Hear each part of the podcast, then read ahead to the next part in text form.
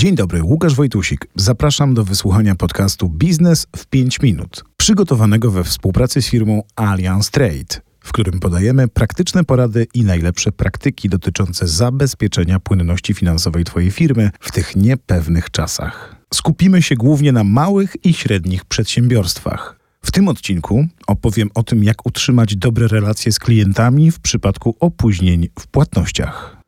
Czy zdarzyło ci się kiedyś znaleźć w sytuacji, gdy z jednej strony zależy ci na otrzymaniu płatności, a z drugiej na utrzymaniu dobrych relacji z klientem? Nawet najlepsi klienci czy duże firmy mogą czasami opóźniać się z rozliczeniem z wielu powodów, na które zresztą mogą nie mieć wpływu. Jeśli coś takiego się przytrafi, może nadwyrężyć relacje po obu stronach, zarówno klienta, jak i Twojej, zaszkodzić całej współpracy, a nawet doprowadzić do braku płatności. Aby zapobiec opóźnieniom w płatnościach, które mogłyby zamienić się w brak płatności, co może zakończyć się żmudnym i kosztownym postępowaniem i zerwaniem współpracy, proponujemy proaktywne działania. Można je podsumować w czterech prostych zdaniach. Po pierwsze, unikaj pogorszenia sytuacji. Po drugie, zachowaj otwartą komunikację ze swoim klientem. Po trzecie, spójrz z perspektywy swojego klienta. Po czwarte, zwróć się do pośrednika. Przede wszystkim nie pogarszaj sytuacji, zachowaj spokój.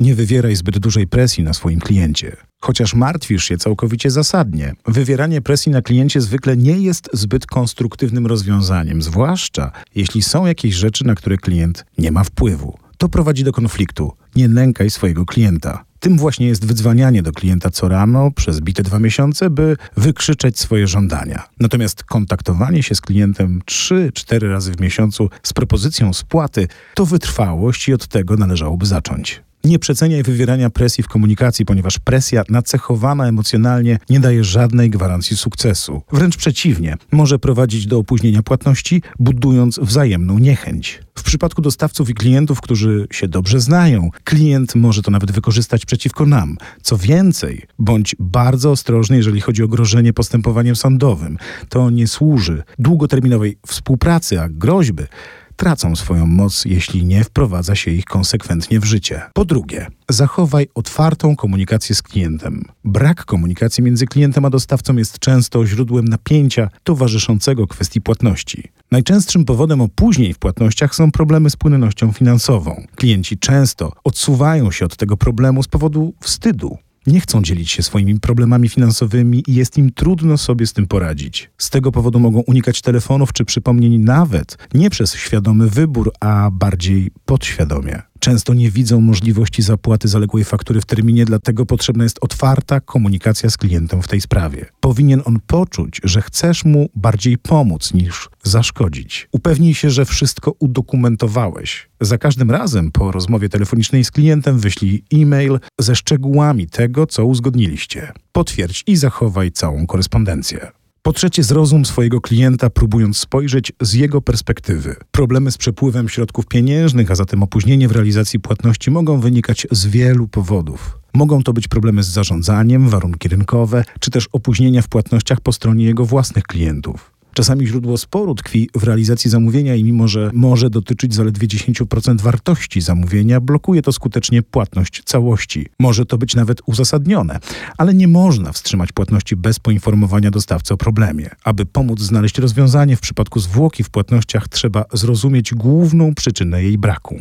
Po czwarte, zwróć się do pośrednika z prośbą o wsparcie. Strona trzecia spojrzy na sytuację z boku, bez emocjonalnego ładunku, co umożliwi spokojne i neutralne działanie zmierzające do szybkiego wypracowania rozwiązań. To zaoszczędzi nie tylko czas i prawdopodobnie da lepsze rezultaty, ale też pomoże zapobiec i zaoszczędzić na działaniach prawnych. Taki pośrednik jak Allianz Trade może wykazać się otwartością i wysłuchać klienta, który wskaże źródło problemów. Dział windykacji wyjaśni, że jest po to, by znaleźć rozwiązanie, by przedstawić stanowisko dostawcy i że nie jest bankiem reprezentującym klienta. Klienci rozumieją te argumentacje i nie składają już tych samych obietnic pośrednikowi, które składali dostawcy, zwłaszcza jeżeli jest to Allianz Trade, lider na rynku ubezpieczeń należności. Trzecia strona jest po to, by znaleźć polubowne rozwiązanie. Najlepiej poprzez negocjacje pozasądowe, co jest korzystne, bo pozwala odzyskać Twoje pieniądze i utrzymać tak ważne relacje biznesowe. Zawsze staramy się znaleźć rozwiązanie typu win-win. Na przykład spór dotyczący zamówienia może zostać dookreślony i zgłoszony dostawcy, a kwestie płatności mogą być ujęte w sensowny harmonogram.